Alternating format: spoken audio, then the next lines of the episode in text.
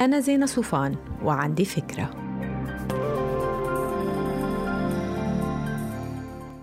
هاي رح تحمل أول كريدت كارد بحياتك أنا بشجعك. بس لازم تعرف كل شيء عن البطاقة يلي بإيدك. بالأول شو هي بطاقة الائتمان؟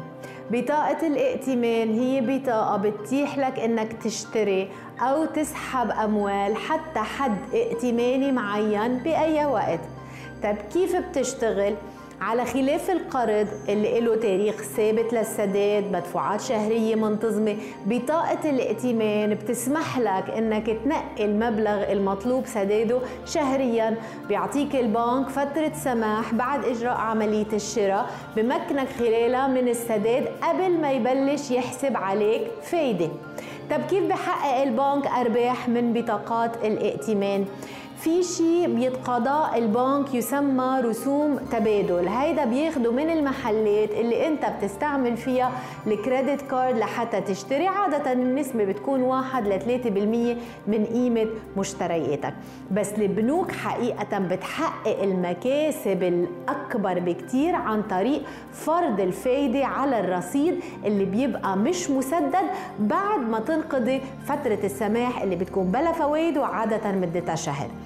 تتراوح أسعار الفايدة بين 10 ل 30% بتوصل ل 40% كمثال إذا كانت الفايدة عليك 15% سنويا والرصيد اللي مش مسدد على بطاقتك هو 500 دولار ما دفعته على سنة رح ينتهي فيك المطاف إنك تدفع مصاريف للبنك 75 دولار إضافة لسدادك للمبلغ الأصلي اللي هو ال 500 دولار.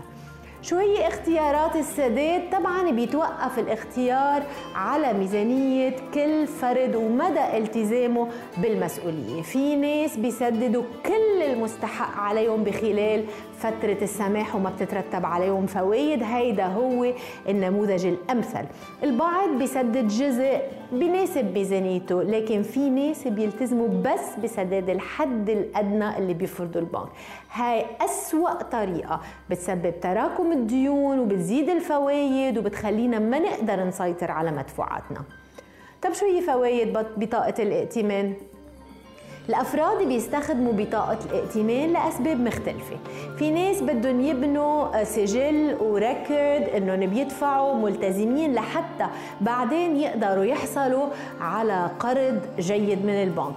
في ناس بدهم إنه يربحوا نقود ومكافآت اللي بتجي مع ال credit cards في ناس بدهم ينظموا مصاريفهم ويقدروا يفوتوا على محل واحد يشوفوا كل شيء صرفوه وين بالتاريخ وبالوقت وبالمكان وبالأرقام الدقيقة. طبعا هيدا الشيء كتير بيساعد لحتى واحد ينظم ويشوف وين كان صرف بلا طعمة وين كان فيه يحسن وين فيه يوفر. كمان في ناس بحبوا يكون معهم credit card للطوارئ إذا مسافرين. يمكن ما بيستخدموا البطاقة طول السنة بيستعملوها مرة مرتين وبيسددوا فورا بس لحتى تكون مفعلة وشغالة ويكون عليها نشاط وبياخدوها عمليا مثل بوليس التأمين بجيبتهم بالسفر. كمان الحماية من الاحتيال سبب أساسي لنحمل بطاقة ائتمان لأنه موضوع أنه حدا يستعمل البطاقة أو يصير في عليها hacking هيدا موضوع متكرر. بس ببطاقة الخصم أو ال debit المصاري بتظهر من حسابك. هيدا شيء ما بيصير بال credit card وبتروح وبتشتكي وبيرجع بيتظبط موضوع الحساب. مشان هيك أي حدا بيستعمل ال debit كطريقة دفع أساسية لازم يراجع حاله بهاي المسألة. ما تنسوا تعملوا download للفكرة تعطوها rating وتساعدوني بنشرة. bye